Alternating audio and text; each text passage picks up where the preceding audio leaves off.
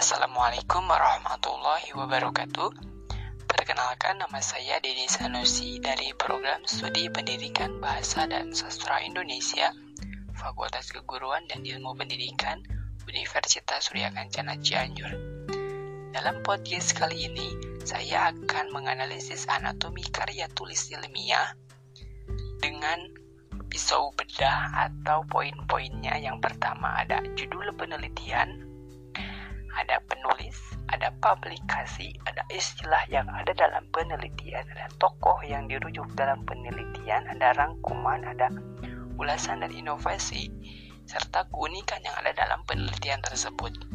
Langsung saja ke poin yang pertama yaitu judul penelitian. Judul penelitian yang saya dapatkan yaitu modalitas bahasa Indonesia dalam Talkshow Mata Najwa Penulisnya ada Siti Nur Aisyah. Program Studi Pendidikan Bahasa dan Sastra Indonesia Universitas Muhammadiyah Jember. Dengan alamat surel s.nuraisi2997 at gmail.com Adapun wahana publikasi itu dari Jurnal Bahasa Yang selanjutnya mengenai istilah yang ada dalam penelitian. Istilah yang pertama ada modal modalitas. Artinya, cara pembicara menyatakan sikap terhadap suatu situasi dalam suatu komunikasi. Istilah yang kedua ada talk atau gelar wicara.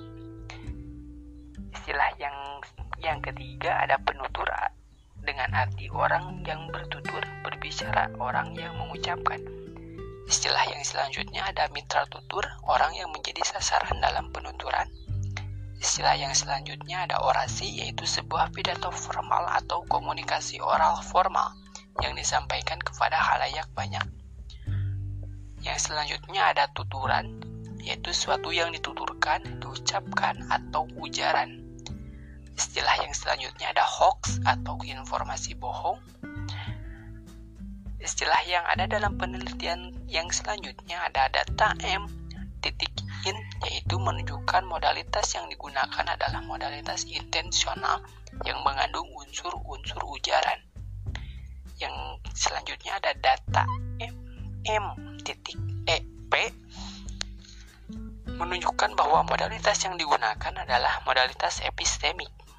Ada data M titik DE menunjukkan bahwa modalitas yang digunakan adalah modalitas deontik. Yang terakhir adalah istilah data M.DI menunjukkan bahwa modalitas yang digunakan adalah modalitas dinamik. Baik, ke poin yang selanjutnya ada tokoh yang dirujuk dalam penelitian. Yang pertama ada I. Dewa Putu Wijana, Abdullah Khair, Anang Santoso, Af Yolanda Imelda dan kawan-kawan, Hasan Alwi, Tia Damayanti, Dini Nur Aini Gita Musa Putri, ada Abdul Aziz Faradi. Yang selanjutnya ada poin rangkuman dalam penelitian. Berdasarkan hasil data terhadap penggunaan modalitas bahasa Indonesia dalam talkshow Mata Najwa, yang ditentukan dalam pada episode 10 Oktober yang berjudul satu atau dua yaitu 32 tuturan yang terdiri dari 12 tuturan modalitas intensional, 13 tuturan modalitas epistemik, 5 tuturan modalitas deontik, dan 2 tuturan modalitas dinamik. Adapun yang sering digunakan dalam orasi pada talkshow mata najwa yaitu modalitas epistemik yang mengandung unsur keharusan. Nah, poin yang terakhir dalam analisis anatomi karya tulis ilmiah ada ulasan dan inovasi. Keunikan dan inovasi dalam penelitian ini adalah modalitas bahasa Indonesia dapat digunakan dalam berbagai maksud tuturan dan memiliki dampak yang membesar dalam tuturan itu sendiri.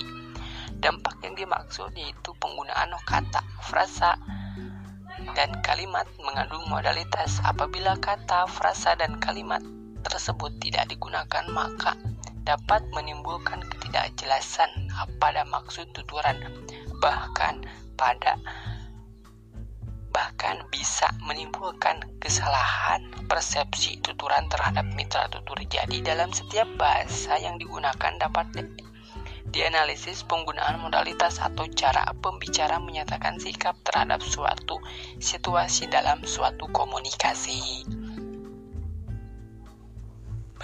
Terima kasih atas perhatiannya. Mohon maaf bila banyak kesalahan. Wabillahi taufiq wal hidayah. Wassalamualaikum warahmatullahi wabarakatuh.